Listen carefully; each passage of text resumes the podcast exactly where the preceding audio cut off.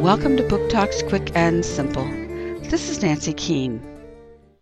Somewhere in the Great Smoky Mountains exists the Sleepy Time Motel.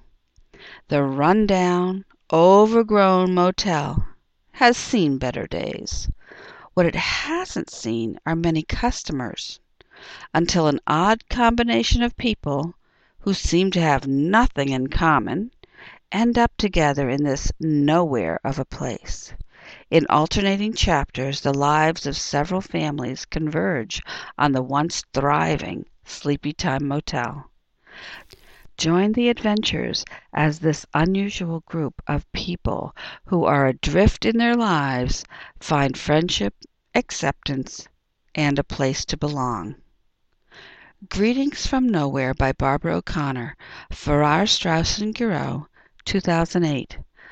Book Talk by the New Hampshire Great Stone Face Committee.